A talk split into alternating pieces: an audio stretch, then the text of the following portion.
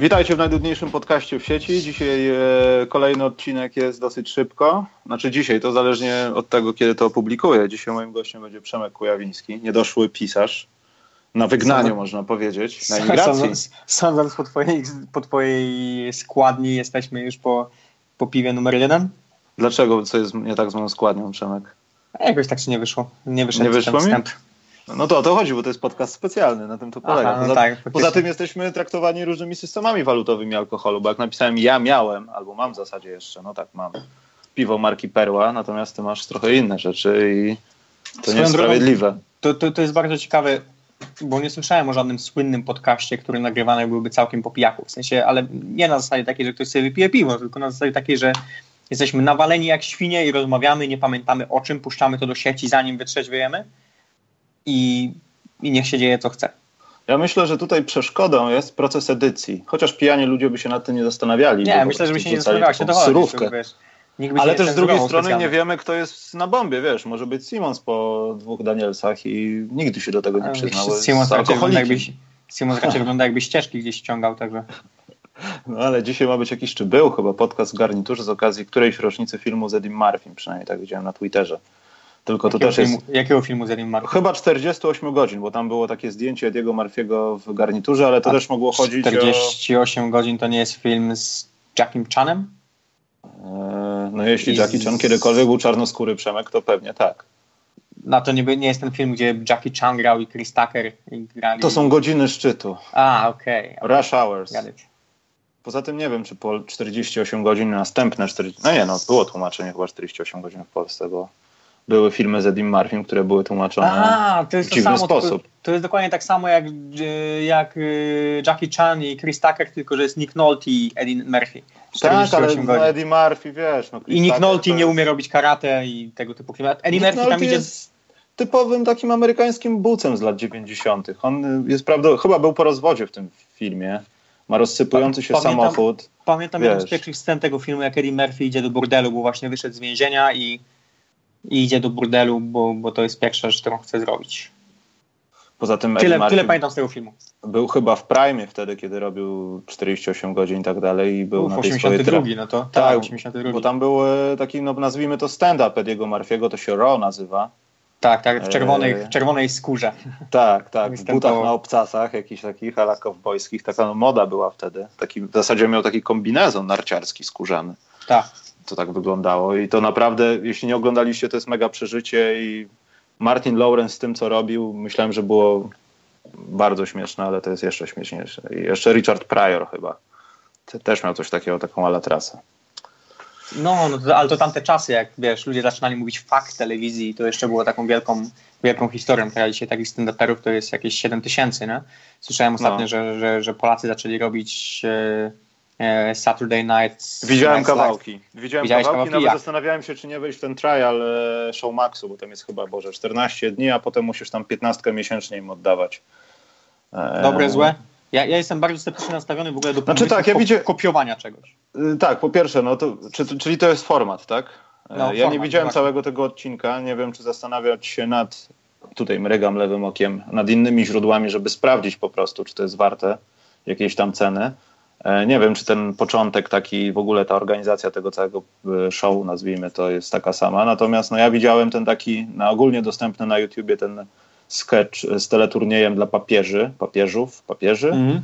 E, w To ogóle ci powiem, że tak- nie jest ogólnie dostępny, bo ja w Hiszpanii nie mogę go obejrzeć. Aha. E, Aha. I jeszcze na Facebooku Showmax jest jakiś coś związanego z Uberem, że kierowca jedzie, oczywiście Adamczyk jedzie polonezem, gra disco polo i to tam nie wiem. Dobra, ale niby krótka jakieś- piłka, dobre czy złe?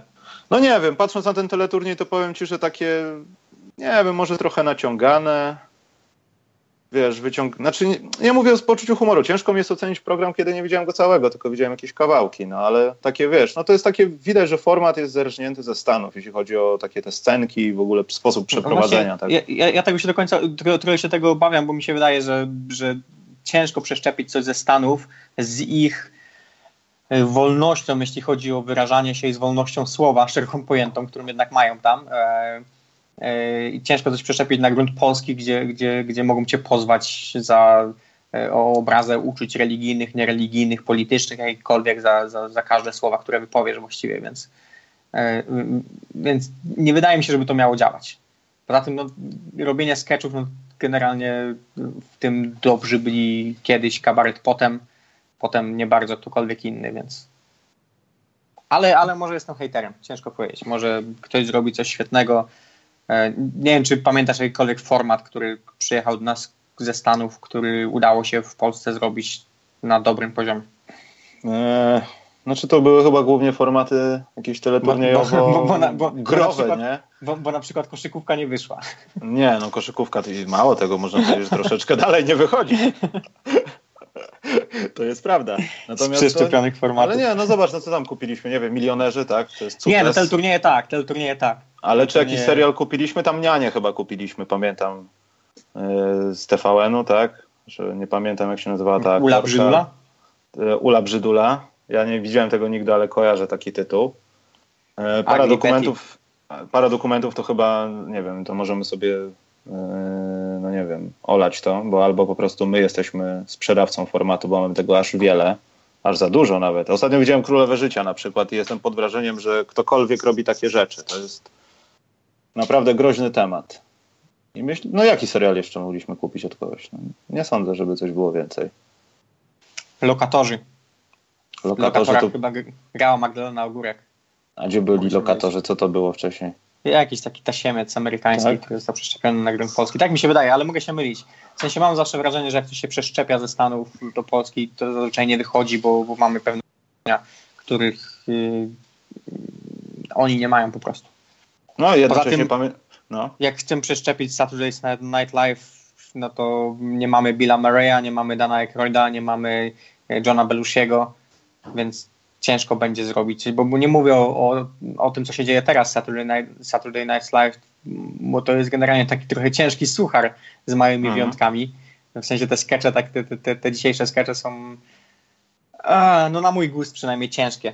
Więc, yy, więc to też nie jest tak, że jest to jakiś taki spektakularny format. To bardziej w Stanach chodziło o to, że, że, że kiedy to zaczęło chodzić w latach 70., no to wyrosło stamtąd mnóstwo, mnóstwo, całe pokolenie komików, którzy potem potem porobili kariery i tak dalej. O Boże, to nam się teraz przerodzi w ogóle w jakąś genezę kabaretu i humoru w Polsce, ale... Bardzo dobrze, bardzo, bardzo dobrze. Twój ulubiony, twój ulubiony stand-uper. I, I, w ten sposób przejdziemy bardzo płynnie do Joela Embida. Ale nie, nie moment, moment. Ja mam inne skojarzenie. Ja mam skojarzenie y, Saturday Night Live. Kojarzy mi się bardzo. Ja wiem, że to jest ewidentny taki dowód y, starości z czymś takim i to też ja byłem no, dzieckiem, pacholęciem będąc, pamiętam, to nie byłem za, za, za dużo latek, miałem spotkania z balladą.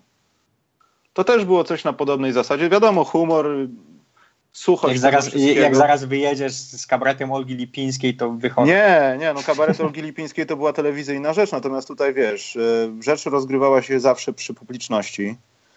E, te początkowe, no wiadomo, tu nasza telewizja, w zasadzie większość telewizji na początkowym etapie no, wjechała przeważnie na żywo, albo to były jakieś takie dziwne kombinacje. I to tak bardzo mi się z tym kojarzy, bo ja pamiętam te najlepsze takie czasy, kiedy byli naprawdę, no, Chevy Chase był i tak dalej. John Candy chyba się nawet parę razy tam zjawił. John Candy, gdzieś. tak. I to byli naprawdę all-starzy humoru. No, jeśli ktoś nie widział y, filmu, Boże, samochody, samoloty i coś jeszcze, albo uzbrojeni niebezpieczni, no to znaczy, że nie widział dobrych filmów komediowych. I to były czasy, a potem faktycznie te scenki tylko były chwytliwe. powiem, powiem ci, że, że świetnie słychać, że jesteś z początku lat 80., bo komedię nazywasz filmami komediowymi. No bo to są filmy komediowe, to nie są komedie, no to jest film komediowy. Te filmy były tak głupie, że ewidentnie było widać, że to jest film i to jednocześnie komedia. Poza tym dziękuję ci, że jestem aż tak stary. nie przejmuj się też, że jestem za górką. Nieco, też jesteś za górką, mówisz? Nieco bliżej jeszcze się rozpędzam dopiero, więc... Dobrze, więc co się Przemek dzieje za pogodową górką w Hiszpanii? Co się dzieje za pogodową górką w Hiszpanii? Aha, przechodzimy tym płynnym, tym płynnym yy, jeśli ktoś jeszcze został z nami, yy, z naszych koszykarskich słuchaczy. Yy, Twój ulubiony na pewno myślę cię słucha i na pewno się odezwie w komentarzach, Przemek, także... Dobrze wiedzieć, że ktoś. Dobrze wiedzieć, że ktoś. E, co się dzieje w Hiszpanii? E, w Hiszpanii dzieje się z punktu widzenia drużynowego przeciętność, bo, bo nasze, nasze, nasze polskie drużyny no nie odgrywają tutaj jakichś fantastycznych ról w, w tym sezonie i Berostar zaczął bardzo dobrze ten sezon, po czym miał, e, miał mm, dużą dostał czkawki. W tej chwili ma bilans 5-5, podobnie jak u Nikaha Adama Łaczyńskiego. Która też ma bilans 5-5 i to są zespoły, które są na skraju playoffów, powiedzmy w ten sposób, natomiast trzy pozostałe drużyny, czyli Andora, Zaragoza i, i Juventud są w dolnej połówce tabeli ale to nie znaczy, że, że, że nie ma na co patrzeć i nie ma z czego się cieszyć. Mateusz Monika jest wciąż na tym swoim wysokim poziomie. W ostatnim meczu 19 punktów e, e, w trzy kwarty, właściwie w czwartej kwarcie nie musiał już wiele robić i wygrana Iberostaru. E, Tomek Gielo przed tą przerwą na kadry miał dwa mecze z rzędu na 21 punktów. Drugi mecz właściwie spektakularny, bo to pierwszy raz od, od dawna zdarzyło się, żeby E, żeby w hali Juventutu kibice zgodnie krzyczeli MVP. E, z tego, co, co Tomek mówił potem, w ogóle pierwszy raz on słyszał nawet, żeby, żeby kibice krzyczeli MVP komukolwiek, więc, e, więc fantastyczna sprawa. Saragossa, Michała Michalaka, który nie gra za dużo, zaczęła sezon fatalnie, wyglądała jak jeden ze słabszych zespołów tej ligi, po czym złapała troszeczkę wiatr w żagle i idzie w górę. Andora wciąż przegrywa E, dramatyczne końcówki, już po raz kolejny trzecia przegrana chyba w tej kolejce z podogrywkach. E, także cały czas właściwie ten bilans mógł wyglądać zupełnie inaczej. Andora mogłaby być gdzieś w górce tabeli, natomiast cały czas te końcówki tutaj nie wychodzą.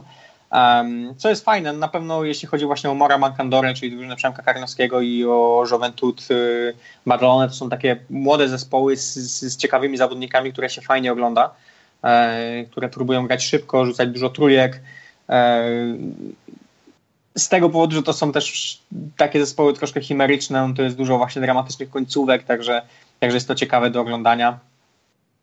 E, być może troszeczkę zawodem póki co jest Unikacha Adama Waczyńskiego, która, która też ma bilans 5-5 raptem. E, zespół euroligowy jednak póki co troszeczkę chyba poniżej oczekiwań. Co poza tym, w Badalonie dają pizzę przerwach o, meczu. Właśnie, właśnie. To jest Dobre kanapki. Bardzo... Co w ogóle jest, jest, jest bardzo ciekawe na zapleczu hali w Badalonie. E, mógłby ktoś pomyśleć, że Barcelona to jest ta bardziej oblegana, w tej chwili drugi zespół Ligi Hiszpańskiej FC Barcelona, natomiast to w Badalonie jest zawsze więcej dziennikarzy. E, nie wiem, czy więcej kibiców, chyba nie, bo, bo, bo ta hala jest jednak troszeczkę przytłaczająca, bo to jest hala E, stadion olimpijski wybudowany, hala olimpijska wybudowana na igrzyska w Barcelonie w 92, to tam Michael John, Jordan, Scottie Pippen tłamsili do niego kukocza. To tam zabrzmiało e... tak biblijnie trochę. To tak, tam.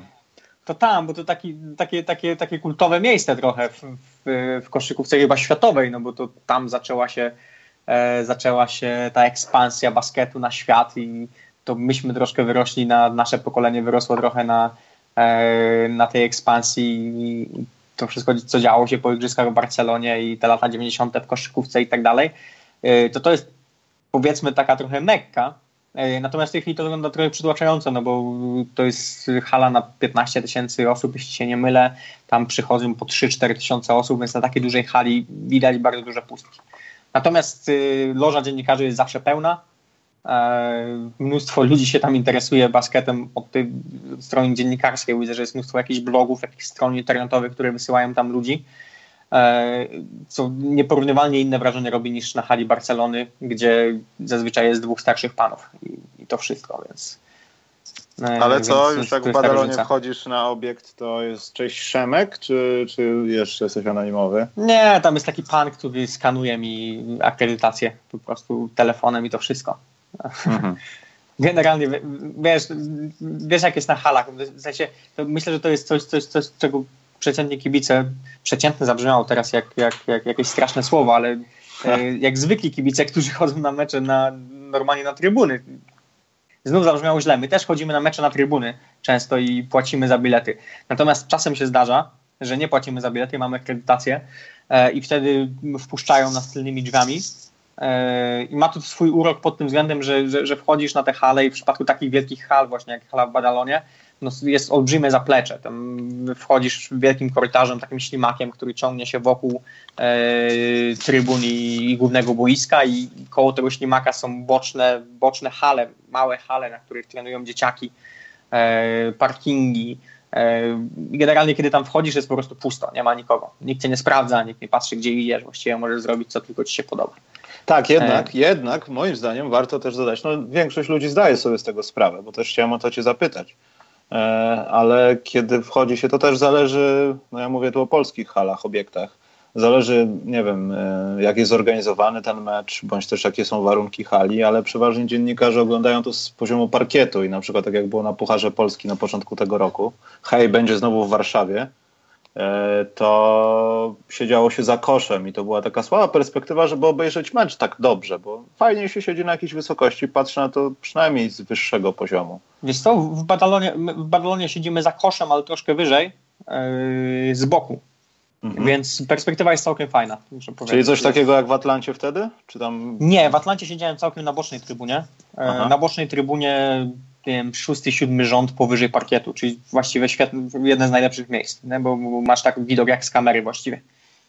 No więc, tak. więc świetna perspektywa, no bo z, z, poziomu parkietu nie ogląda się koszykówki aż tak dobrze jednak. E, a powiedz Przemek, czy no wiadomo, no nie, nie jesteś na każdym meczu podczas całej kolejki e, albo w ogóle podczas całego sezonu, ale czy Wiadomo, masz jakieś porównanie z Polski, no przynajmniej, no dobra, no basket Poznań może nie jest dobrym porównaniem, ale czy... Muszkieterowie na Wasu? Na przykład, ale czy wydarzyły się jakieś rzeczy na tych meczach? Ja nie mówię nie tylko ze względów sportowych, bo to już nie zależy od ligi. No, nawet jak oglądasz trzecią jest jakiś crunch, to możesz się wkręcić i myślisz, że jesteś na finałach NBA. E, ale czy to jakoś tak, nie wiem, te rozgrywki potrafią wcisnąć w fotel tych kibiców, którzy tam przychodzą i Boże, dzieje się, Jezu, znowu Wiesz jestem tam. W Badalonie, w Badalonie przychodzi te 3-4 tysiące ludzi, ale to są e, ultrasi, to są faktycznie ultrasi. Aha, czuby e, już. Tak, tak, tak, tam nawet jak przychodzą rodziny, czy, czy starsi panowie i tak dalej, e, pierwsza kwarta, pierwsza minuta meczu, krzywy gwizdek i zaczyna się jak, jak e, pamiętam to z dzieciństwa, jak chodziłem jeszcze na, na świętej pamięci do Zamek Nowa Sól, i cały stadion, czyli jakieś tysiąc osób skandował sędzia chuj. To to jest ten, ten tego typu klimat właśnie, nie? Że, że, że bardzo duża solidarność kibiców, wystarczy jedna, jedna zła decyzja sędziego albo decyzja sędziego przeciwko Juventusowi i się zaczyna. E, z drugiej strony wystarczy jedna dobra akcja, co tam się zdarza i też się zaczyna, więc, więc jest, akurat tutaj na trybunach jest dosyć gorąco. Z tego co widzę też, jak oglądam inne mecze, też jest tak, że ten fanbase nie jest wielki, natomiast jest, y, jest bardzo entuzjastyczny, więc, y, y, więc, więc jest ta atmosfera na pewno. No nie, nie jest, wiadomo, nie jest to żyleta, ale myślę, że nie jest to akurat powód do dumy, że nie wiem, że na Legię przychodzą kibice piłkarscy, którzy wolą krzyczeć i skakać niż oglądać mecz. I Ale są związania jakoś z piłką, tak jak to czasami bywa w Polsce? Nie, nie, nie, nie, nie. absolutnie nie. Tutaj piłka to jest zupełnie inny świat, to jest globalna sprawa, miliony ludzi i tak dalej. Koszykówka to są, to są jakieś tysiące. To, koszykówka w Barcelonie to jest sport niszowy. W Badalonie nie do końca, w Badalona nawet szczyci się koło hali, jest taki wielki napis Badalona mm, koszykarską stolicą Europy. E, I Badalona szczyci się tym, że, że ma najwięcej boisk na mieszkańca w, na świecie chyba nawet więc, y, więc akurat Badalon jest inaczej. Tam ten, ten fanbase jest taki, no bardzo entuzjastyczny, no nie jest to fanbase wielki, no bo, no bo na tych e, Badalona ma grubo ponad 100 tysięcy ludzi, 100 tysięcy mieszkańców. Barcelona jest tuż za miedzą. Właściwie część Barcelończyków ma bliżej do, do Badalony niż do Barcelony, niż na hale, do Palau Blaugrana, na hale Barcelony. E, a mimo tego no, świeci pustkami ta hala jednak mimo wszystko, więc to jest takie trochę przy, przygnębiające. E, I też widać, że to już ma swoje lata. To jest 92 rok, toalety są nie pierwszej świeżości, nazwijmy to w ten sposób. Korytarze wyglądają, wyglądają troszkę tak jak, jak, jak, jak y, wiesz, Polska, lata 90. i tak dalej, więc to też nie jest tak, że to wszystko śni, błyszczy i tak dalej. Natomiast jedna spektakularna rzecz, która e, ostatni raz, kiedy byłem na meczu, się rzuciła mi się w oczy, e, wrzucałem te zdjęcia na, na, na Twittera, był akurat taki dzień, w którym zaproszono wszystkie zespoły młodzieżowe Badalony na mecz dostały trzy trybuny, które były pełniusieńkie i po czym w przerwie meczu e, wszyscy gracze Badalony od dzieciaków przez e, zespoły chłopięce, dziewczęce, wszystkie roczniki plus, plus zespół na wózkach, wszyscy wyszli na środek parkietu i to był tłum, w sensie tłum, tłum ludzi, absolutnie, więc to zrobiło wielkie wrażenie, jak wielu ludzi się tam cały czas szkoli i gra w koszykówkę z, z, jakie, z jak wielu ludzi oni mogą korzystać właściwie. Ciekawe, jakie, jakie to ma, jaki to ma związek z tym, że w zasadzie w Barcelonie i w ogóle no, w tych cieplejszych rejonach możesz grać przez cały rok w kosze.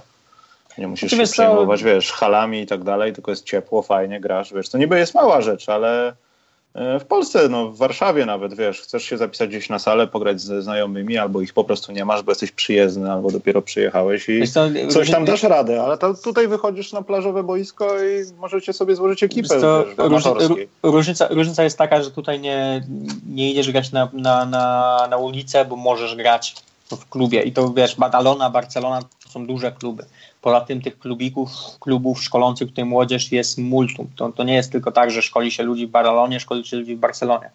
E, to jest tak, że, że tych klubów tutaj, e, wiesz, żeby dać sobie perspektywę, no, no Barcelona ma y, Barcelona jest, jest powierzchnią małym miastem, to jest 100 km kwadratowych, które zamieszkuje jakieś półtora miliona ludzi być może, więc jest bardzo gęsto.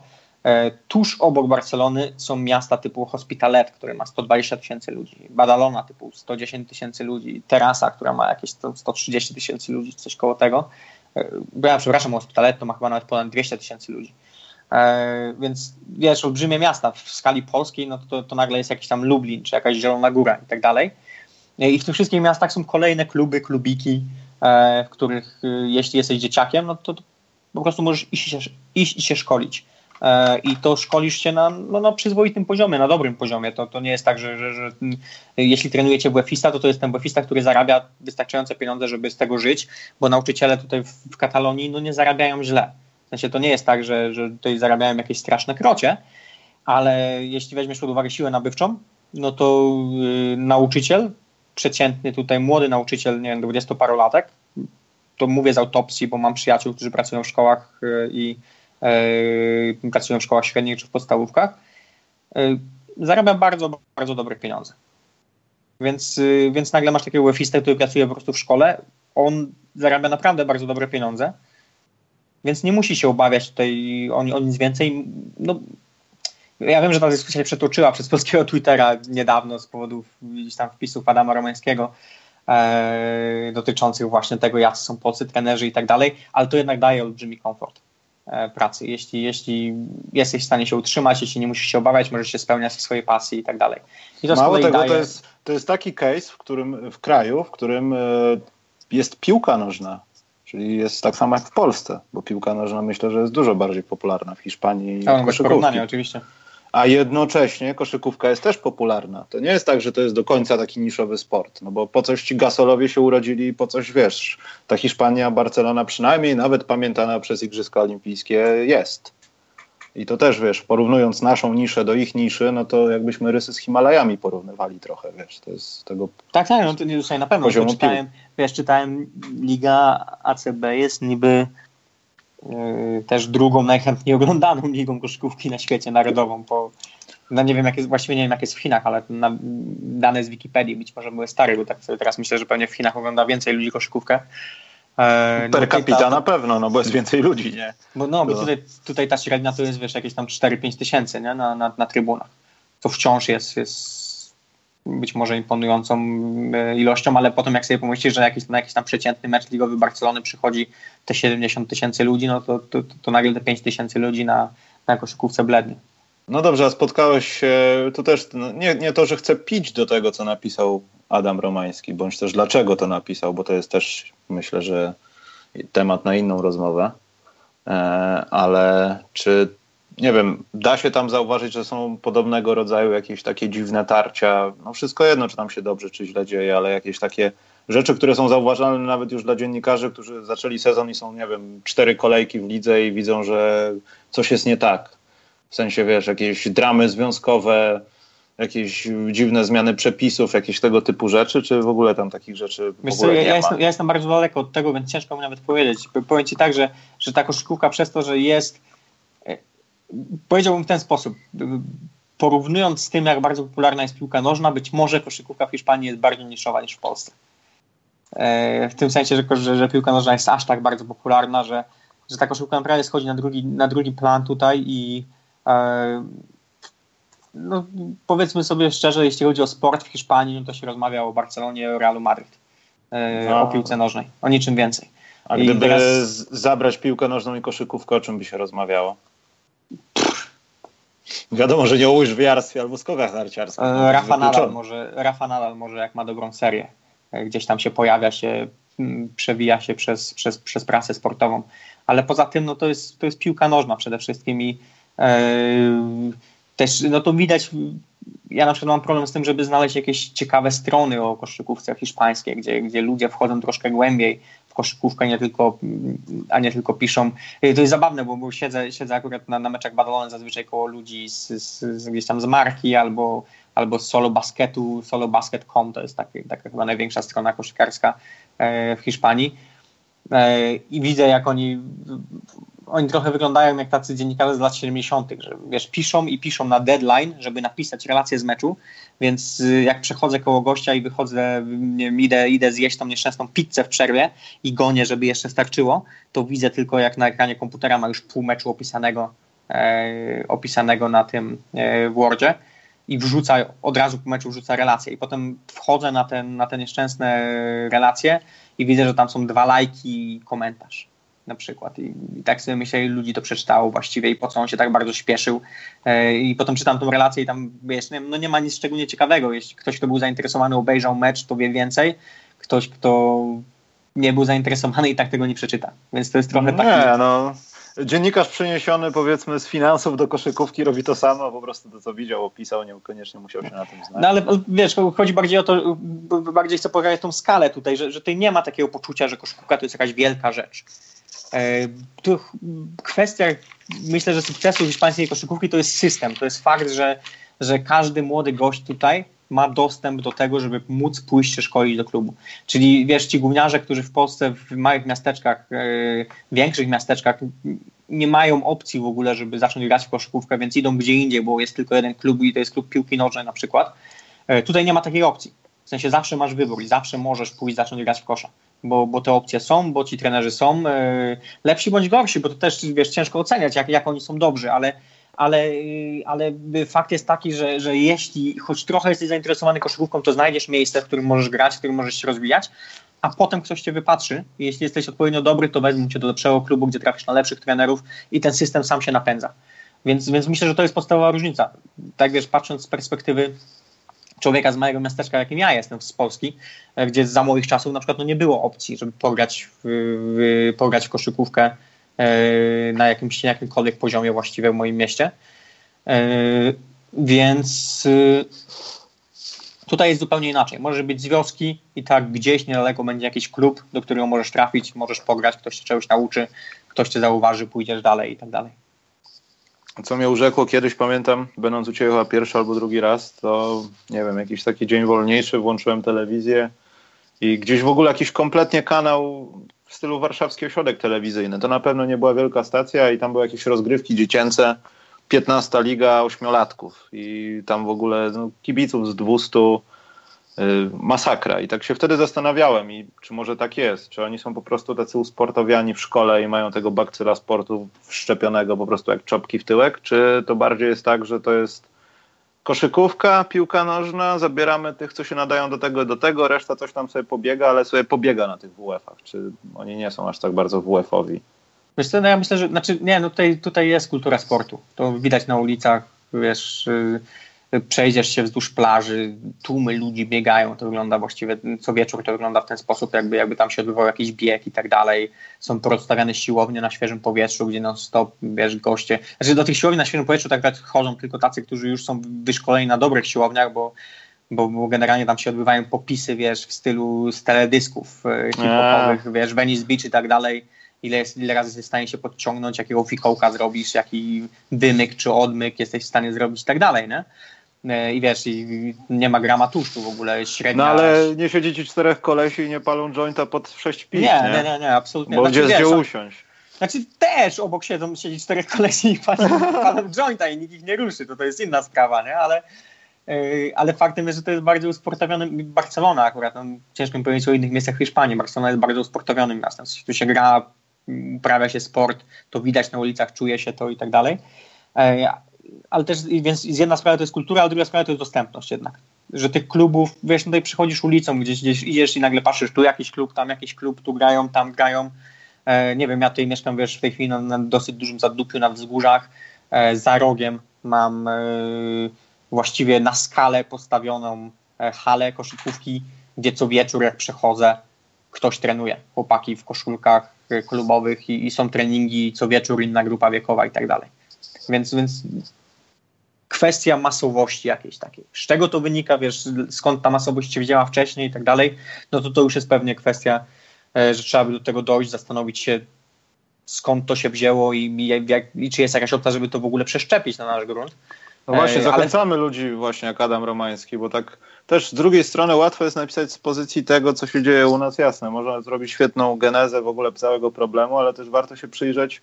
Y, ja bym dalej obstawiał przy pogodzie, jeśli chodzi tam, bo to jest ważny czynnik. Myślę, że to jest dużo aktywności. Wiesz, dla samego biegania, stary. Dzwonią do ciebie znajomi w styczniu, a ty mówisz, że nie mogę, bo właśnie biegnę i trochę jest mi za gorąco. Ale z drugiej, strony, z drugiej strony, nie wiem, czy pamiętasz, jak w ogóle powstała koszykówka. Koszykówka, koszykówka powstała przez to, że było zimno na dworze i nie mogli grać no w futbol. tak, no. Więc i żeby też no, nie tracić uwagi sportowej z, z głowy studenta, tak? Trzeba było ich tak, zająć. Tak, na zimę. Tak, jednocześnie to musiało być coś drużynowego, no, że akurat mieliśmy Morele, czy to, co tam zbierano. No, Kosze na Brzoskwinie. Na Brzoskwinie, no. A tam Morela, Brzoskwinia. Może Morele, chyba to samo. To samo. I yy, dobrze, Przemek, yy, zachęcamy jednak, żeby się ludzie zainteresowali, bo to jest bardzo ciekawy znaczy, to, to, jest bardzo interesująca, interesująca rzecz. Yy, też dla znaczy, mnie. Też znaczy wiesz, ludzie, ludzie też czasami tak no, reagują, no wiesz, no też jesteśmy e, ludziami, że tak powiem i nie patrzymy czasami dalej, no ale na Hiszpanię trudno patrzeć, co tam jest świetnie, bo zaraz padnie odpowiedź, bo, bo to, bo tamto, bo goście w NBA, bo w ogóle mm, sam tak, tak język tak, powoduje... Ci NBA skąd się wzięli? Tak, to, no to właśnie, skądś no wyrosło ale... na jakimś gruncie, nie? I to kwestia zastanowienia się, skąd się wziął ten grunt, kiedy to się stało, że Hiszpania nagle e, zbudowała, bo to jest kwestia systemu, no tu jest zbudowany system, gdzie, gdzie każdy dzieciak ma dostęp do tego sportu. systemu jednocześnie, no. Czego u nas nie ma, no ale to też jest kwestia, wiesz, no można zagłębiać się dalej w jakieś problemy tej natury jakiejś e, ekonomiczno-socjologicznej, typu, że u nas, no, no ci WF-iści nieszczęśliwi, no wiesz, no, no, ciężko włożyć całe serce w coś, jeśli, jeśli, jeśli nie masz z tego właściwie nic zupełnie. I oczywiście to jest, jest pasjonatów i tak dalej. A ale... dwa, to ja wiem, jak to wygląda w Polsce, ale podejrzewam, że w Hiszpanii, no nie wiem, zetknąłeś się z pierwszą ligą hiszpańską albo niższą jakąś klasą rozgrywek, taką oficjalną powiedzmy, ale też niedobrą. Drugą. Jestem, jestem, jestem tak fancy, że, że nie, aczkolwiek powinienem, no bo tutaj... Nie, dlaczego pytam? Bo chodzi mi o to, czy, ligach, czy wiesz, czy oni mają taki głupi przykład naszej, nie wiem, pierwszej czy drugiej ligi, że muszą do związku y, wysłać dokumenty, że się zgłaszają, zapłacić odpowiednią kwotę, która jest oczywiście wzięta z tylnej części ciała E, musisz mieć licencjonowanych trenerów i tak dalej, i tak dalej, spełnić warunki takie, takie i takie, co wiąże się pewnie z inwestycją. Twój klub działa na zasadzie jakiejś dotacji z miasta albo z jakiejś grupy samorządowej. Tam z tym myślę nie ma problemu. Myślę, że wtykają ci sami pieniądze albo po prostu mówią, że chcesz za dużo i dadzą ci tyle, bo policzyli, że tyle się po prostu mm, jest potrzebne do tego bez żadnych mm. perwersji mm. i nie ma z tym kłopotu i to myślę, że no, ekonomia to jest podstawowym kluczem do tego. No. No tak, tylko wiesz, wobec tego, jeśli ekonomia jest jaka jest i w Polsce mamy ekonomię, jaką mamy i mimo wszystko jesteśmy gdzieś wstecz w stosunku do Europy Zachodniej, no to kwestia y, pozostaje y, pytanie, wiesz, jeśli nie możemy grać na tych samych zasadach co oni, no to musimy zmienić zasady, musimy zacząć grać troszkę inaczej. Pytanie jak? I, i, i teraz no, nie można przyjmować tych samych reguł, jeśli, jeśli nie mamy tych samych, tych samych możliwości. I, i wiesz, no i, i znów wróćmy do, do, do, tematu Litwy czy Słowenii. No, no właśnie. Z naszej półki, które, które jednak ten system zbudowały. Więc, więc może Hiszpania nie jest najlepszym przykładem tutaj, e, no ale mamy Litwę, w której jest tak samo zimno, e, która ekonomicznie pewnie stoi na gorszym poziomie, nie, nie orientuję się w tej chwili, ale wydaje mi się, że na takim samym bądź gorszym poziomie niż Polska, a jednak. Poza tym wiesz, tutaj e, ja wiem, że zaraz teraz wszyscy rzucicie sobie w telefony, tablety, komputery, zależy na czym słuchacie, wszystko jedno, to przykład Stanów Zjednoczonych. To nie jest tak, że w NCAA to każda drużyna uniwersytecka jest, przepraszam za słowo, zajebista. Każda ma ludzi, którzy są y, pokroju przyszłych gwiazd NFL, NBA i tak dalej. Wiadomo, kupę z nich jest i jest zrobiony na to rynek, ale to nie chodzi o to, żeby powtarzać ten rynek jeden do jednego, tylko stworzyć coś w podobie. Ja nie wierzę, ja wiem o tym, że tu jest dużo polityki, ale ja nie wierzę, żeby, jeśli ktoś by chciał, oczywiście widział w tym jakiś sens. Oczywiście wszyscy powiedzą, że na tym się nie da zarobić, więc sensu nie ma. Ale stworzenie ligi e, polskiej, powiedzmy, trudno, niech mówią, że ściągamy z USA. Okej. Okay. e, która by działała na podobnej zasadzie draftowania ustalonych budżetów. Byłyby uczelnie państwowe, które biorą udział w rozgrywkach. Trudno, niech będą cztery te uczelnie i niech będzie draft składający się z pięciu osób. Rozumiesz, od czegoś się zaczyna, od jakichś takich pomysłów, które mogą się okazać potem nietrafione, ale jeśli ktoś nie próbuje, to nic z tego nie zrobi. Czy, wiesz, ja też myślę, że trzeba myśleć outside the box tutaj i, i, i to oznacza, że, że trzeba... Bo w, przepraszam, bo w Stanach też jest druga dywizja NCAA i tam grają często ludzie, którzy się kompletnie nie nadają do żadnej koszykówki takiej, e, no nawet Polska i Czechy to jest za wysoka półka dla nich i przyjeżdżają tak naprawdę do jakichś super niskich lig albo grają gdzieś, nie wiem, świetny dokument The Last Shot polecam na temat wyjazdów amerykańskich właśnie zawodników z high school którzy nie chcieli podać się rygorom NCAA na turnieje w, na przykład w Meksyku o 2,5 tysiąca dolarów. To, to, to jest czasami dla takich ludzi gra, po prostu. W tych niższych ligach. I mimo wszystko są, tak? Mimo wszystko są. Jak już jakimś cudem doszliśmy do tej całej dyskusji do polskiej koszykówki, e, ja, ja, mam jedną myśl, w sensie, bo ja, ja, czytam te dyskusje na Twitterze, zgadzam się z niektórymi rzeczami, z niektórymi się nie zgadzam, ale potem sobie myślę, że, że właściwie ciężko powiedzieć, na jakiej podstawie mamy prawo się zgadzać, bądź nie zgadzać z czymkolwiek. E, I tu można próbować różne rzeczy i tak dalej, tylko wydaje mi się, że większość pomysłów, które, które, które, która jest rzucana gdzieś tam, e, jest rzucana na bardzo takim, e, na wyższym poziomie trochę, w sensie takim, że, że fajnie by było, żeby nasze zespoły grały w pucharach, super, fajnie by było, żeby, żeby mm, nie wiem, no, no, nie wiem, zlikwidować przepis o dwóch Polakach, fajnie by było i tak dalej. Natomiast myślę, że, że, że problem wciąż i wciąż jest w sercu tego wszystkiego, czyli najpierw trzeba zacząć od dobrej organizacji. E, czyli niech będzie jak będzie, jak jest i tak dalej, trzeba zacząć, wiesz, pracę u podstaw. Czyli Dokładnie. robimy dobrą organizację, nie ma żadnych ściem przy kontraktach, nie ma żadnych E, żadnych, wiesz, jeśli, jeśli ktoś, są jakieś jasne zasady, w jaki sposób się rozliczamy, jeśli, e, nie, nie, jeśli są jakieś problemy, nie wiem, z, z rozliczeniami z zawodnikami, czy jakieś ściemy finansowe i tak dalej. Wchodzisz no na stronę PLK i chcesz widzieć, ile płacą, mieszkasz w Lublinie, ich sprowadzają nowego, przykładowo, czarnoskórego zawodnika z NCAA białoskórego, wszystko jedno, kogoś z zagranicy, chcesz z Polski, chcesz widzieć ile mu dają. Nie chcesz opierać się na twitterowych rozmowach, czy nie wiem, sportowe fakty napisały, że on dostaje 15, czy to jest prawda. Wszystko jedno. Nie piję do sportowych faktów, ale to póki co jest źródło czasami, często polski kosz też zresztą takich informacji. Tylko nie, nie wiadomo, czy one są prawdziwe. Czy to tak no naprawdę tak, no jest? Nie ma transparentności, nie ma, nie tak, ma, nie ma jasnej tak. organizacji i tak dalej. I, wciąż w momencie, kiedy, kiedy ta organizacja będzie na, na wysokim poziomie, a nie jest, i cokolwiek, ktokolwiek by mówił z tamtych ludzi, no to, to widać gołym okiem, że, że, że, że, że, że to nie jest jasno zorganizowane, bo gdyby było jasno zorganizowane, bardzo łatwo byłoby to wszystko wybronić. E, a w tych dyskusjach przedstawiciele polskiej koszykówki szeroko pojęci nie, nie są w stanie wybronić tego, co się dzieje w polskiej lidze koszykówki, tego, co się dzieje w ogóle w, w jaki sposób polska koszykówka wygląda. Yy, I wtedy możemy rozmawiać, co dalej zrobić, w sensie jakie inne pomysły powinniśmy mieć, możemy mieć i tak dalej. Ale no, to musi zacząć od poziomu organizacyjnego. A, a, czy coś się zmieni na poziomie organizacyjnym? Nie, no nie wierzę, no bo, no bo jeśli masz ludzi, którzy pracują tam od wielu, wielu lat, e, którzy robią te rzeczy i nie potrafią tej rzeczy zrobić do, dobrze, no nie łudźmy się, że, że nagle nauczą się w jakiś sposób e, dobrze organizować. I powiem Ci jedną rzecz.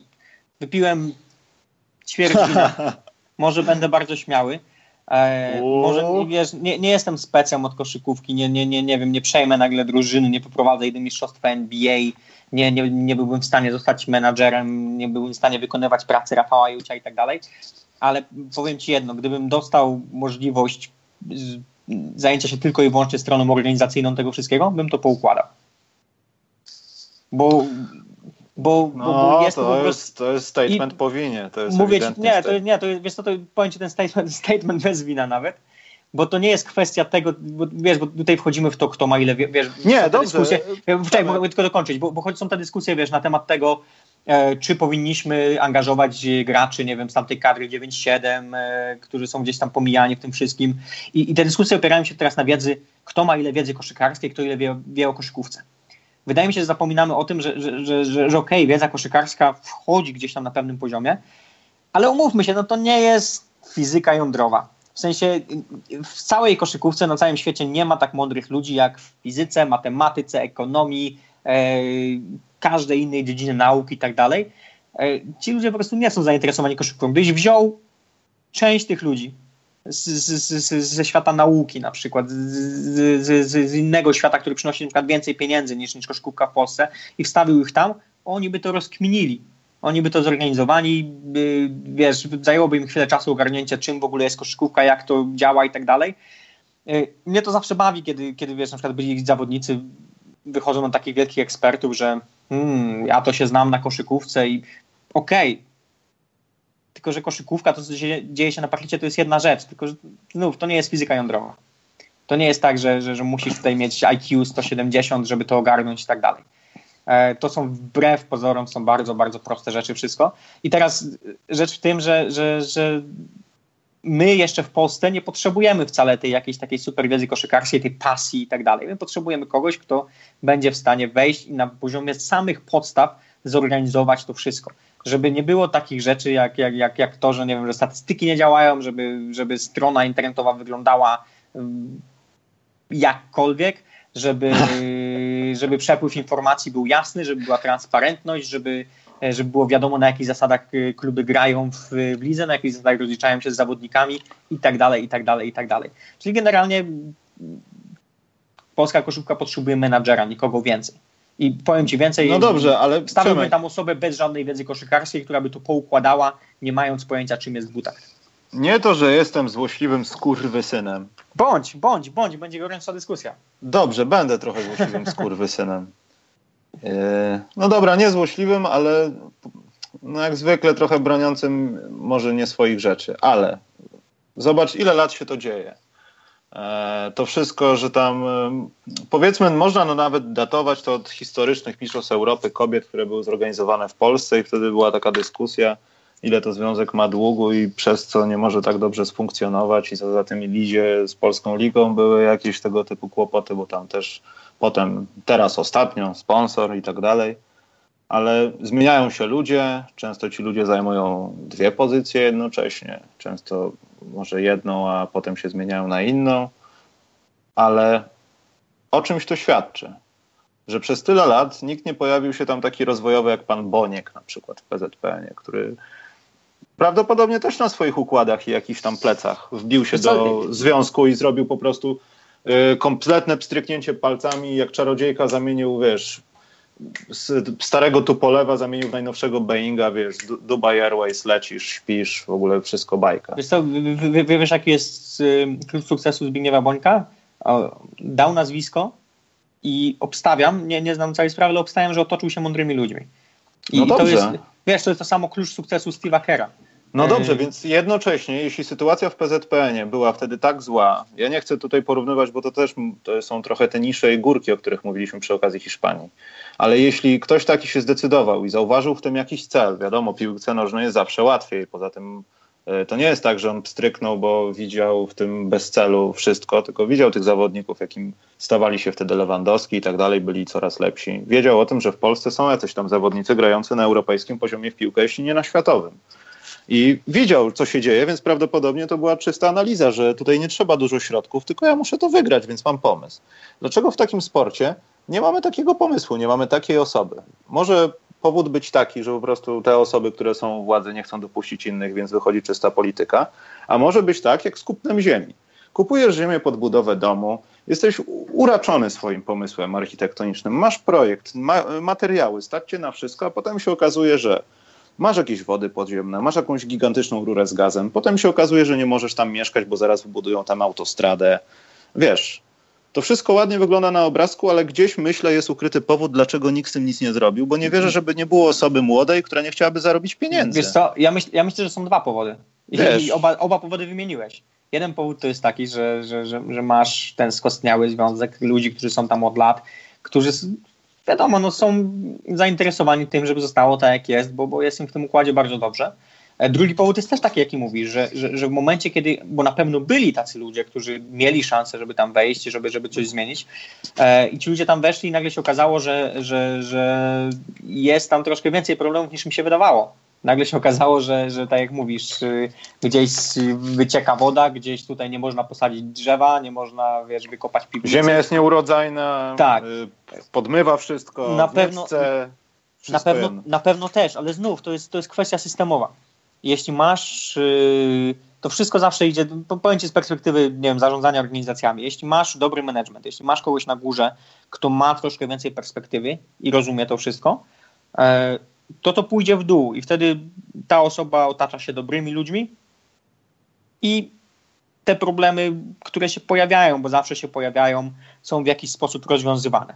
W, w, jeden czy drugi sposób, najczęściej w ten sposób, że po prostu no, komunikacja jest jasna, jest transparentność, wszyscy zdają sobie sprawę z tego, że te problemy się pojawiają, więc, więc nagle ta perspektywa się zmienia też wśród osób, które oceniają te decyzje czy, czy te działania.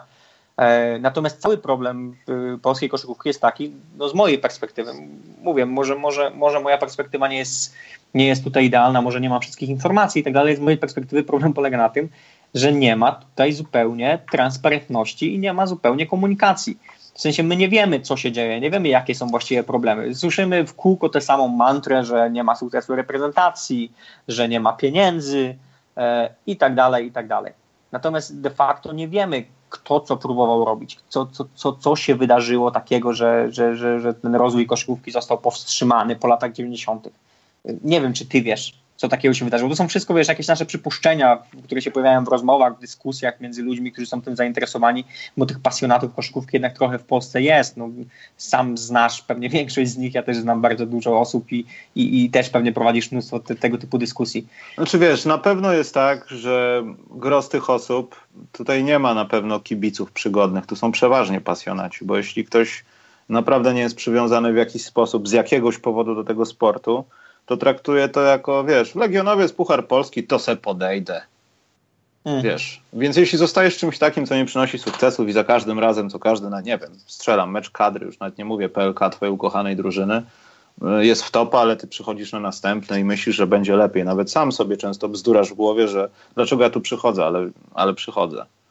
I to są już pasjonaci i to jest dowód tylko na to, że to jest nisza w naszym kraju. No i tutaj nie możemy się niczego więcej spodziewać. Tylko zagadkowe jest no, brak tych przemian, ale podejrzewam, że to też wynika z tego, że no, w tej glebie jest dużo jakichś rzeczy, wiesz, tak jak nie wiem, tutaj niedaleko mnie budują e, na woli warszawskiej e, metro. W styczniu mają wejść e, z tymi rzeczami do wiercenia i zaczynają przy ulicy Płockiej. Tam ten teren przynajmniej z tego, co się w ogóle mówi w Warszawie, był od czasów wojny tak naprawdę niesprawdzany. Dopiero kiedy tam robili jakiś remont rury, bo pękła, no to się okazało, że na przykład znaleźli jakiś szkielet. Potem się okazało, że znaleźli jakiś niewypał. I tak naprawdę ten teren do mnie to większość gleby to jest gleba taka, która przyjechała podczas e, poczyszczenia Warszawy.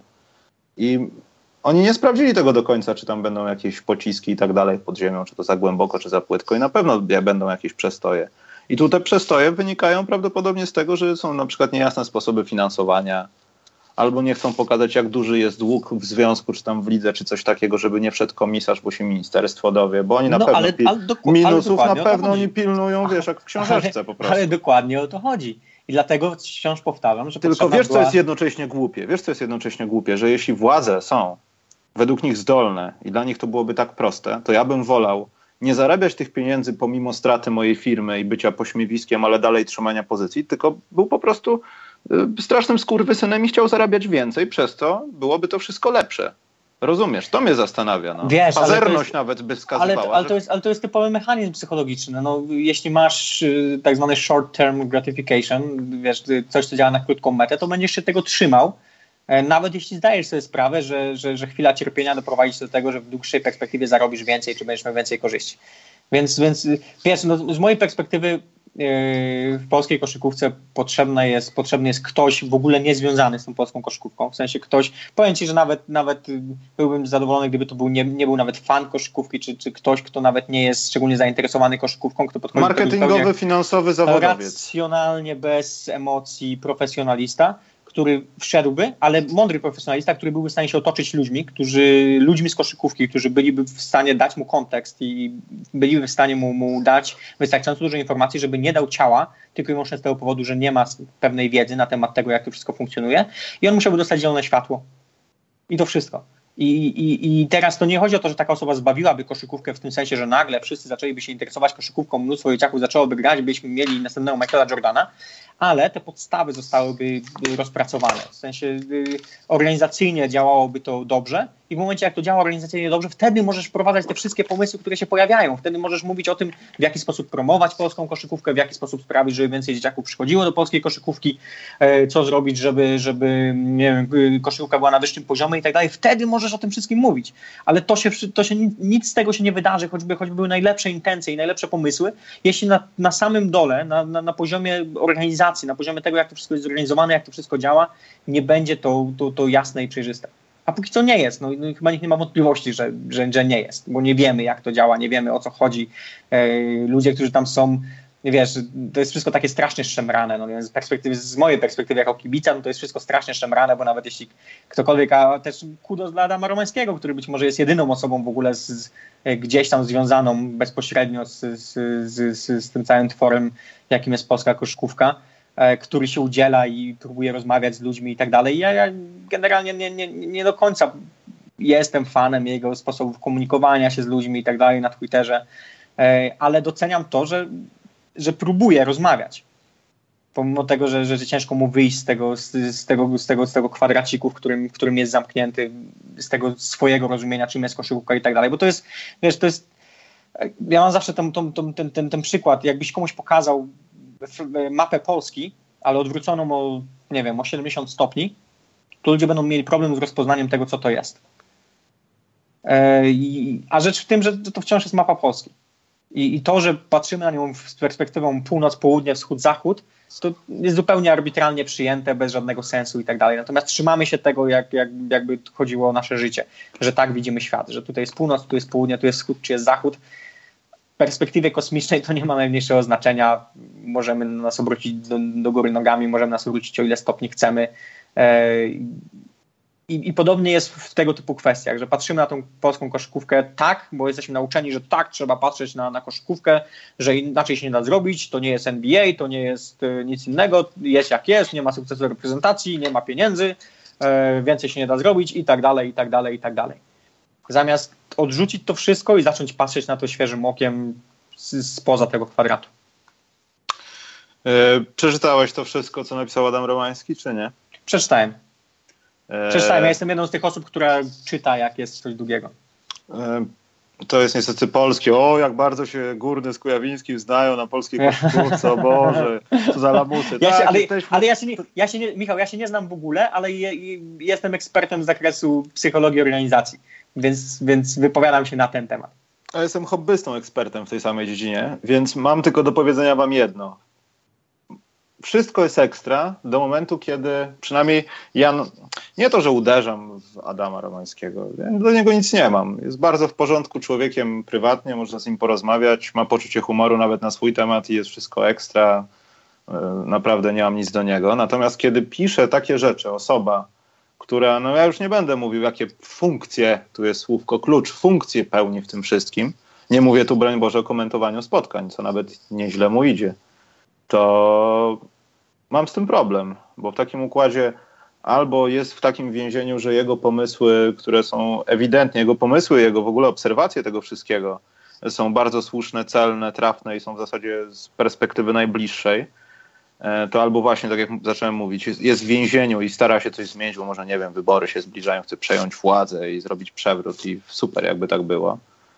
E, albo dzieje się to z jakiegoś innego powodu. Bo gdyby napisała to wszystko osoba świeża, która by pod tym się podpisała, tak, napisałem to wszystko, bo prowadzę agitację wyborczą przed jakimiś wyborami, to ja bym to zrozumiał, schwyciłbym to łatwiej. A kiedy to pisze osoba z tego środowiska, to powstaje pytanie, to dlaczego paroma rzeczami może z tej listy mogłeś coś zrobić albo jakoś zareagować.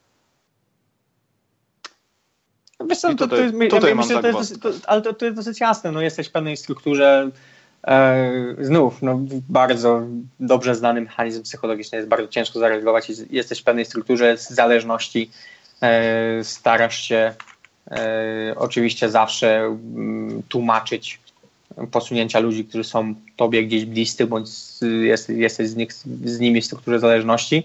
I zawsze dobrze, będziesz tego bronił. To jest, dobrze, to, i to powstaje pytanie, dlaczego sy... robisz to teraz? Dlaczego robisz to teraz, syndrom... a nie dwa lata temu? Bo też mogłeś to napisać dwa lata temu. Dlaczego robisz to teraz? Ja nie mam odpowiedzi.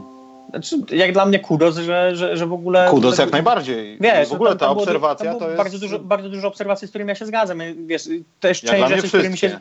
Ja nie, ja się zupełnie nie zgadzam z niektórymi rzeczami. Na przykład zupełnie nie, e, nie rozumiem wiesz, przełożenie, być może nie do końca zgadzam się z akcentami, nie, nie do końca podoba mi się akcent położony na, na, na, to, że trenerzy są słabi i tak dalej i że trenerzy powinni się szkolić, wyjeżdżać, robić to i to i no to dobrze, i tamto. No to ja się też a jednocześnie, a jednocześnie, jednocześnie zawodnicy nie powinni wyjeżdżać, zawodnicy powinni się trzymać u nas w domu i, i podejmować dobre decyzje, bo to, wiesz, to nie jest czarno-białe, w sensie no, są różne sytuacje. Wiadomo, że część zawodników wyjechała z schrzaniła sobie kariery. Część zawodników no. wyjeżdżała, wyjechała i dzięki Bogu. Część Ale to zależy tylko od organizacji, nie od zawodników. Jeśli to, zawodnik tak. jest dobry i organizacja się, no to on będzie siedział w tej ssącej organizacji i do niczego nie będzie dochodził, czy chce wejść taki, nie wiem, stopień wyżej gdzieś w Czechach.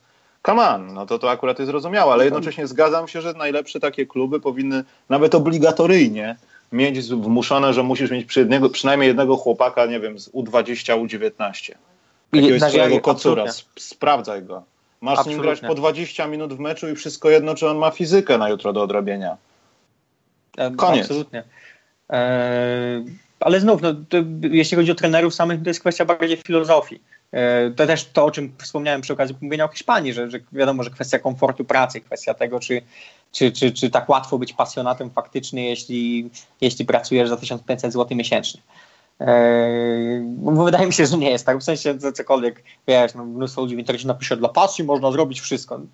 Przepraszam, za, za przeproszeniem chuja, prawda, za 500 zł miesięcznie e, pasję możesz sobie wsadzić w tyłek.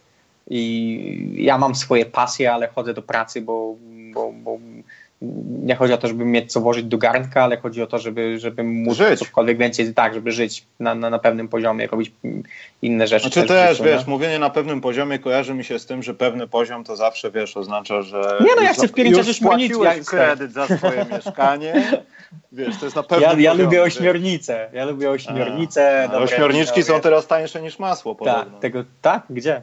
W Polsce.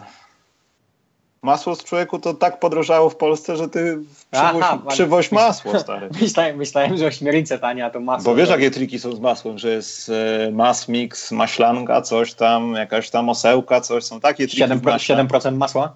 No ale mówmy dalej o Ja myślę, że myślę, że temat masła. Nie, myślę, że w ogóle nie planowaliśmy, szczerze mówiąc, tej rozmowy o polskim bagienku, że tak powiem. I chciałbym też powiedzieć, że z Przemkiem, Przemek jest najczęstszym gościem, w zasadzie gościem, już można powiedzieć współgospodarzem tego, bo zaczął to ze mną.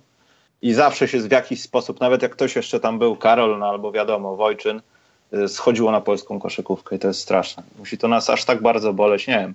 Może się zgłośmy, przejmę. Jak gdzieś nie, nie, wiesz, nie tyle mnie, mnie, to, bo mnie to interesuje. Ja powiem, tak jak ci powiedziałem, ja... Ale w sensie... wiesz, to jest trochę doktor Mengele, nie? Obserwowanie tego, wiesz, to no. się prosi, żeby coś, coś, nie wiem, zrobić z tym, jeśli komuś zależy na tym. Słuchaj, ja bym, ja bym coś z tym zrobił, tylko nie za 1500 zł, ale bardzo chętnie i nawet nie, tutaj nie to, że jestem bardzo zarozumiały, aczkolwiek jestem trochę zarozumiały i, i, jestem przekonany, że byłbym w stanie poukładać pewne rzeczy na poziomie tym najprostszym organizacyjnym, ale minimum, jeśli dostałbym na przykład w tej chwili pełną władzę w Polskim Związku Koszykówki, byłbym w stanie znaleźć ludzi, którzy by to poukładali. Przechodzimy trzy, do NBA. Trzy minuty, trzy minuty. Liangelo y, Ball zostanie wybrany w drafcie NBA? Nie zostanie. Okej, okay, to Dziękujemy za dzisiejszy podcast. Już, już nie chcesz NBA rozmawiać? tyle, tyle było NBA. Ja nagle zauważyłem, że wszyscy, wiesz, yy, yy, wszyscy skauci i Twitterowi, Twitterowi rozmawiają o tym, właściwie nie rozmawiają, ale stwierdzają jednym głosem, że Liangelo Ball nie ma szans na pójście do draftu NBA, jakby to kiedykolwiek był temat. Tak, ale dobrze. Dyskusję naszą o NBA podzielimy sobie na trzy rzeczy. Ostatnią rzeczą będą powiedzmy nasze nagrody za tą jedną czwartą sezonu. Natomiast tak całkiem poważnie, ta rzecz y, z bolami, z tym, co się dzieje. Ja wiem, że rozmawiać o tym to jest grzech, bo to jest karmienie trola. Ale czy to nie są już te czasy, kiedy wszyscy doznają kontuzji? To jest w ogóle fatalne. Sędziowie rzucają się na zawodników i uderzają ich czołem. Że możemy mieć jakiś chory miks lat 90., tylko w jakiejś takiej wizji sci-fi. Wiesz o co chodzi, że ojcowie przejmują grę. Ja wiem, że nie ma więcej bolów ale kto wie, może jakiś się pojawi, wiesz. Kevin Durant chce wylatywać z parkietu, czy coś się nie dzieje za agresywnego teraz w NBA?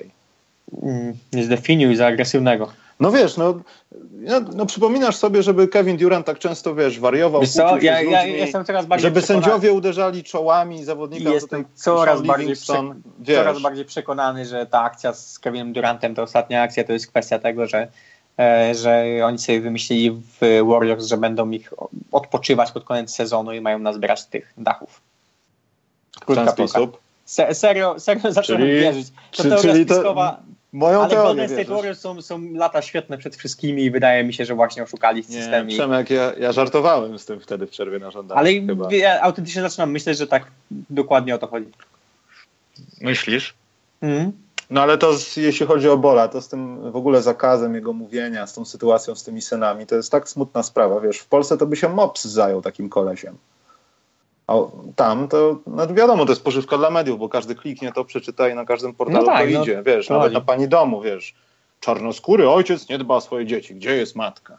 Wiesz, no. nawet taka głupia rzecz, to jest masakra. Poza tym to, w jaki sposób on walczy z NCAA, gdzie przepisy są nie od wczoraj ustalone na temat tego, znaczy, wiesz, to, że pracy reklamowej. akurat spoko, no, szkoda, że być może, być może troszkę... Z... Nie, ale co w tym spoko, Przemek? Ja nie widzę w tym nic spoko. Jeśli są znaczy, ustalone jakieś przepisy, to ten kutafon, brzydko mówiąc, powinien wiedzieć, co robi. A przede wszystkim to są dzieciaki, to są goście. Ja nie, nie twierdzę, że to są dzieci, które są karmione piersią, ale oni się rozwijają, napatrzą ale to, się na takie to, rzeczy, na jakich kutafonów wszystko, oni mogą wyrosnąć. Wiesz co, wszystko co mówię, to, to wydaje mi się, że właśnie to jest jedyny problem, że, że ten biedny Liangelo, który który akurat na NBA to szans nie ma, ale kariera uniwersytecka bardzo by mu się pewnie przydała do rozwoju i, i pewnie dostałby jakąś niezłą pracę w, w Słupsku albo w Koszalinie, e, to, no to teraz będzie troszkę już splamiony tym, tym, e, tym co robi jego ojciec i może mieć duże problemy w przyszłości, więc, więc trochę ojciec łamie mu karierę w tym momencie. Znaczy on koszykarsko jest najsłabszy, no spójrzmy prawdzie tak. w oczy. On, on, nie jest żadną gwiazdą, on ma zadatki, znaczy to też ciężko nie, no, nie, nie,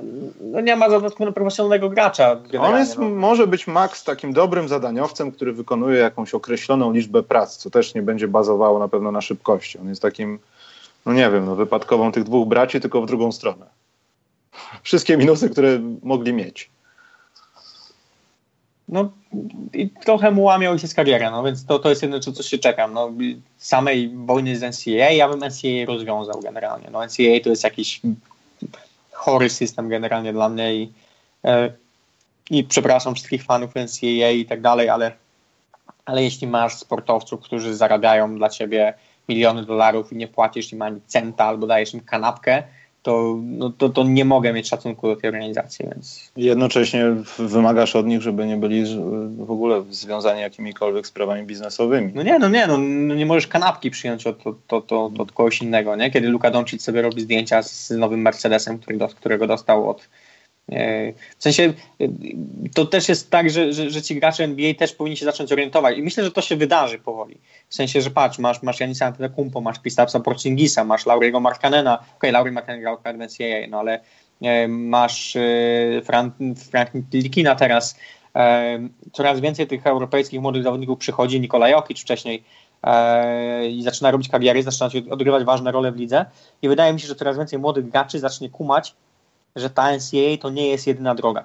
I oczywiście Adam Silver tam już knuje z D-League, przepraszam, już G-League teraz, e, knuje z G-League, że, że, że, że to G-League z czasem przejmie tę rolę właśnie takiego inkubatora talentów e, dla NBA, ale wydaje mi się, że, że, że zawodnicy, ci młodzi zawodnicy po szkołach średnich powinni zacząć myśleć e, całkiem poważnie o tym, że może wyjazd do jakiegoś europejskiego klubu e, typu właśnie Hiszpania, e, gdzie jest ten system szkolenia na wysokim poziomie, gdzie będą w stanie się dogadać, bo też jest kwestia tego typu, gdzie trafisz i, e, i, i co pozwolą ci tam robić e, ale jeśli dogadasz się na tyle dobrze, że, że przyjeżdżasz tam, masz już jakąś markę zrobioną i, i przyjeżdżasz jako wabik na kibiców, e, a jednocześnie dają ci szansę na rozwój, to naprawdę nie jest zły pomysł. I, i, I, masz szansę przez ten rok zarobić pieniądze. Nie musisz się obawiać tego, że twoje szanse w drafcie spadną, bo w tej chwili skauci obserwują Europę równie, równie często jak, jak NCAA nie musisz się obawiać e, o to, że jeśli złapiesz kontuzję, to, to, to zostaniesz z niczym, bo już zarabiasz pieniądze i zarabiasz dobre pieniądze, w takiej Hiszpanii na przykład.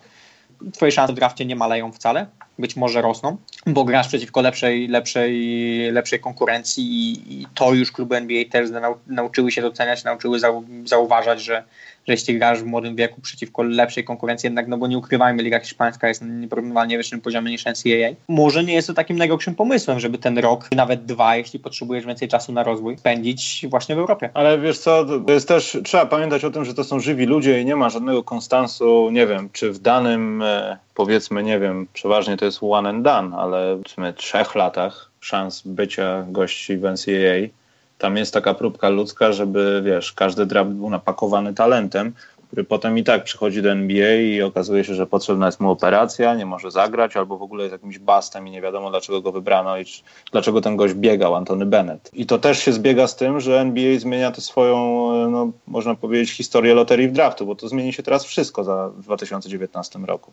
I tutaj NCAA może tracić, że oni będą w stanie dostarczać zawsze takiej grupy zawodników i w końcu dożyjemy czasów, kiedy ten, te europejskie, no można powiedzieć, piki, nadzieje w ogóle z różnych krajów, miejmy nadzieję, że kiedyś też z Polski, będą bardziej przychylnie y, sprawdzane przez skautów, bo ci ludzie może nie będą skażeni na przykład tym, co się dzieje w NCAA, a przeszkadza skautom, że jest jakaś dobra drużyna, ten gość był najlepszy i wiesz, cały blichtr ma, a potem przychodzi do NBA i się okazuje, że jest niczym i musi dużo pracować nad, na przykład nad swoim rzutem albo coś takiego. I też się zastanawiam wtedy, co będzie dalej, no bo NCAA nie może spaść do takiej niszy, że tam a, czterech zawodników na loterię, bo to mi się wydaje niemożliwe, ale jednocześnie, no, jeśli będzie więcej takich przykładów, no to ci zawodnicy będą gdzieś jeździć, tylko będą jeździć w takich dobrych kierunkach, myślisz, czy będą jeździć jak na przetrwanie tego jednego roku, żeby być dorosłym i zagrać w NBA. Wiesz Bo to, co, no powiedziałeś o G League, to skupia się do tego, żeby NBA zarabiało pieniądze, cashowało tak, się na tym. Co, to, Tam nie ma dobrych intencji. To, to, żeby zawodnicy europejscy, że zawodnicy ci, ci po szkołach średnich na przykład przyjeżdżali do takich klubów, e, nie wiem, hiszpańskich na przykład, E, będzie zależało od tego, jaki tutaj będzie układ, bo to też jest kwestia tego, że, że w tym momencie hiszpańskie kluby idą trochę na kompromis, bo oczywiście każdemu zależy to, żeby, żeby wygrywać w Europie, więc to nie jest tak, że weźmiesz sobie gracza ze szkoły średniej, który może Wiedząc, że masz wolnego agenta kozackiego dostępnego. Tak, ale, dokładnie, jednocześnie mając kozackiego wolnego agenta, którego możesz wziąć, to nie, nie, musiał być tutaj zostać wypracowany jakiś konsensus e, na takiej zasadzie, że bierzesz tego gracza, na przykład, nie wiem, jakiś taki Michael Porter Jr., który już jest słynny ze wszystkich, wiesz, jakichś e, e, filmików na YouTubie, e, teraz Zion Williamson na przykład, nie? Bierzesz takiego gościa e, i wiesz, że on nie będzie miał impaktu od razu w takiej lidze hiszpańskiej, e, że, że, że, pomoże ci wygrywać, ale bierzesz go z jakichś innych powodów. I w sensie nie wiem, czy to się wydarzy, no bo to wymagałoby też pewnego kompromisu ze strony, ze strony klubów europejskich. E, pewnie byłoby o to ciężko, żeby, żeby takie kluby godziły się. W przypadku tych największych gra z amerykańskich szkół średnich być może nie byłoby aż tak trudno, no ale mówimy też o takich graczach, którzy mogli przyjechać do Europy e, i potrzebowaliby na rozwój, nie wiem, dwóch, trzech, czterech lat. Yy, aczkolwiek być może z czasem ktoś w Europie też dostrzeże potencjał tego, że, że może warto kusić tych zawodników e, tym, że przyjadą, będą grali w pierwszym sezonie po 5 minut, ale będą trenowali z dużo lepszymi graczami, będą, będą na dużo wyższym poziomie i te 3 lata czy 4 lata w Europie dadzą im więcej niż w NCAA i będą w stanie mm, zwiększyć swoje szanse na NBA na przykład. I też tak może być z czasem e, a jednocześnie przez te 3-4 lata będą zarabiali pieniądze po prostu. No, w sensie ktoś im będzie płacił za ich ciężko wykonywaną pracę. No jasne, kontrakty obuwnicze też pewnie jakieś dochodzą do tego różne tego znaczy typu wszystko, rzeczy. no w sensie wiesz, no przyjeżdżasz do jakiegokolwiek klubu gdzieś tutaj, nie wiem, nawet na poziomie lokalnym masz reklamę w radiu czy cokolwiek takiego, już jakiś grosz padnie do kieszeni. No ale wiesz, ja jestem przeciwny temu, żeby wyjeżdżali do Chin na przykład, bo dla mnie to nie jest, tam nie ma, mo, może o czymś nie wiemy, ale tam nie ma jakiegoś takiego czegoś, że tam naprawdę robią z ciebie koszykarza. Ty jesteś na takim etapie, że jesteś trochę jak plastelina, wiesz, dużo no rzeczy trzeba ci pokazać, dużo musisz nie, się no, ograć. Nie, nie, wiemy o tym, żeby tak było, no nie? No, bo no właśnie, no. Nie wygląda są tylko pieniądze, jakiś... wiesz. Widzisz 6 zer na koncie i jedziesz, ale ta drużyna po prostu no, jest nieporównywalnie słaba od najgorszych lig europejskich często. No.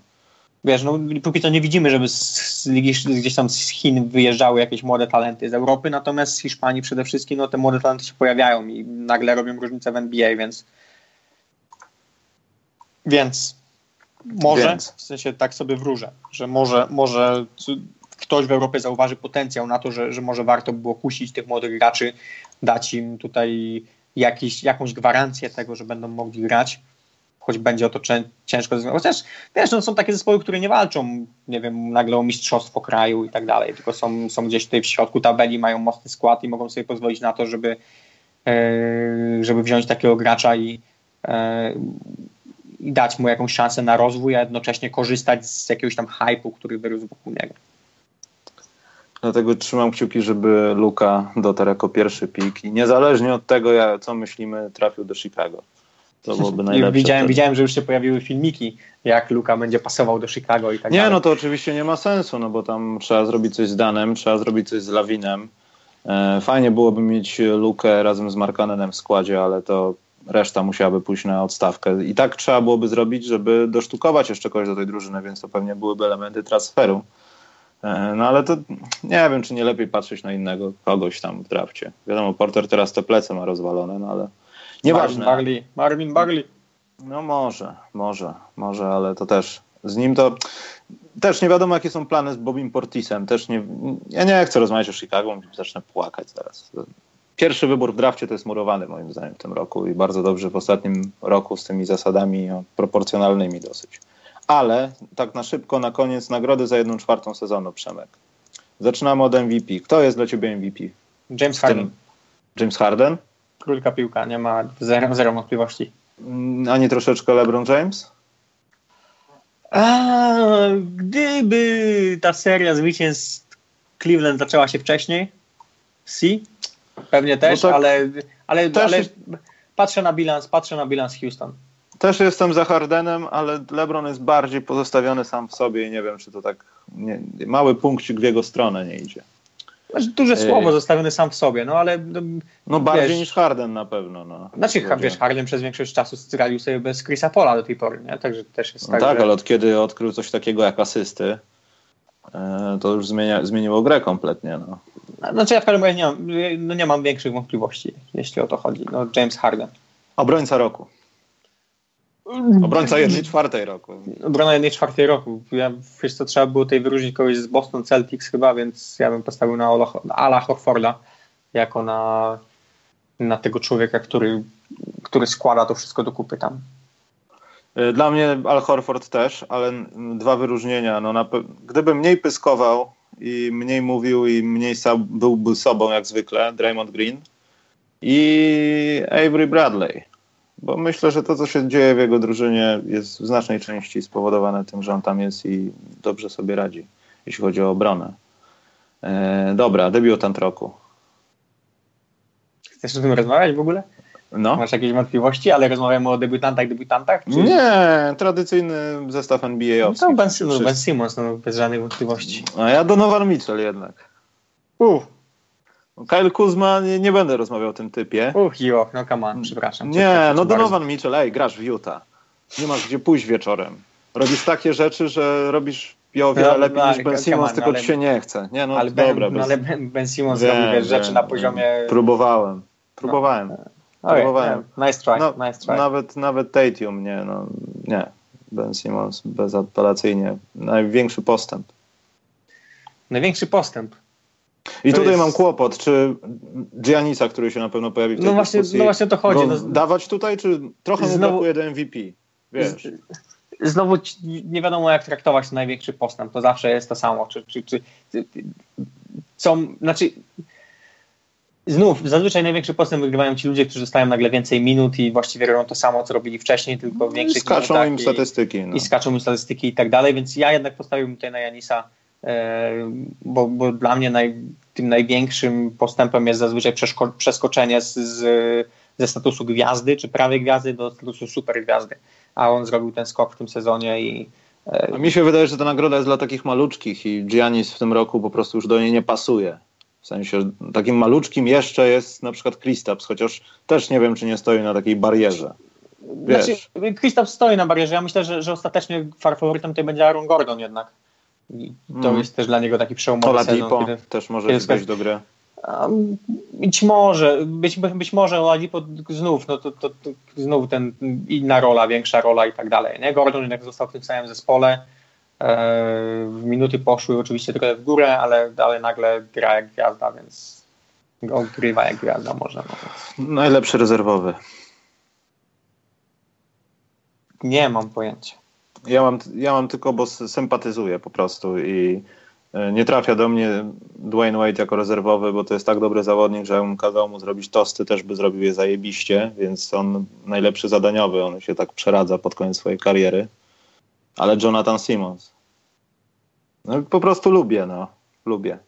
No, nie tłumaczcie, ja nie wiem. Nie, w sensie, powiem Ci, że, że zazwyczaj jeśli chodzi o najlepszych rezerwowych, to zaczynam to obserwować dopiero z czasem w sezonie i myśleć o tym i tak dalej.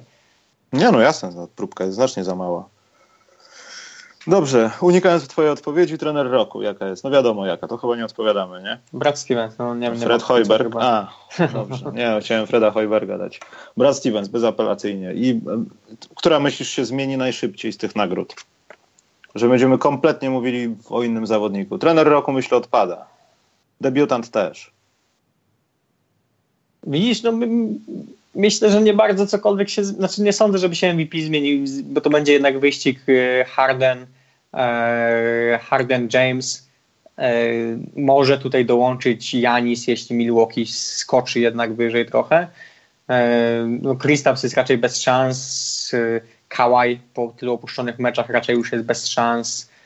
Durant, Curry gdzieś się tutaj niwelują. Kyrie Irving to może być gorący typ pod koniec sezonu. Kiedy nagle się okaże, że Boston przegrał, wiesz, 13 meczów w sezonie i Kyrie jest najlepszym graczem tego zespołu i możemy zacząć o tym rozmawiać. Więc to może być jakiś taki cichy, cicha dyskusja, jeśli Kyrie nagle, nagle będzie, wiesz, no, robił te swoje 20 ileś tam punktów na mecz i tak dalej. E, ale myślę, że, że, że, że, że głosujący już są za mądrzy, żeby, e, żeby nie zauważać tego, jak dużo tutaj system działa pod karierą Kairiego. Jezus Maria, to jest strasznie trudne imię dla mnie. Kairiego, Kairiego. Kyriego. Kyriego, tak. Kirilenki, dobra. Yy, słuchaj, no to już nabiło tyle, że wypadałoby skończyć. Ja chciałem Ci tylko, Przemek, powiedzieć, że bardzo Ci dziękuję, że poświęciłeś swój wieczór na nagranie tego najnudniejszego podcastu, mimo że masz święto konstytucji. Tak, słuchacze, są kraje, gdzie jest, znaczy będziesz miał, dlatego nie idziesz do pracy. No właśnie. Dlatego rozmawiamy po nocy, jak jesteś zboczeńcy, ale gratuluję Ci, że mieszkasz w kraju, który ma konstytucję. to, to, to, to powiem Ci, że tutaj, tutaj ludzie też twierdzą, że jej nie ma, więc nie byłbym tak. Ale co, coś się uspokoiło? Jesteś dalej na wygnaniu, piszesz jakieś eseje, ta twoja książka wychodzi, Przemek na barykadach świata. Się, bardzo się uspokoiło. Już? Aha, Nic się nie dzieje. Patowo, tak? W sensie, że już y, dalej jest po staremu i nie ma żadnego niczego. Nie ma żadnego niczego. Jadę Czyli? pojutrze do Walencji na parę dni. Uuu, będzie się działo, Przemek. Tam jest cieplej. Więc y, pisarz na wygnaniu, y, posiadający nowy sprzęt do nagrywania podcastów, co słać po jakości. Przemek Kujawiński był ze mną dzisiejszego wieczora, nocy. To dziękuję Dobra. bardzo. Koniec. Proszę bardzo. Cześć i czołem.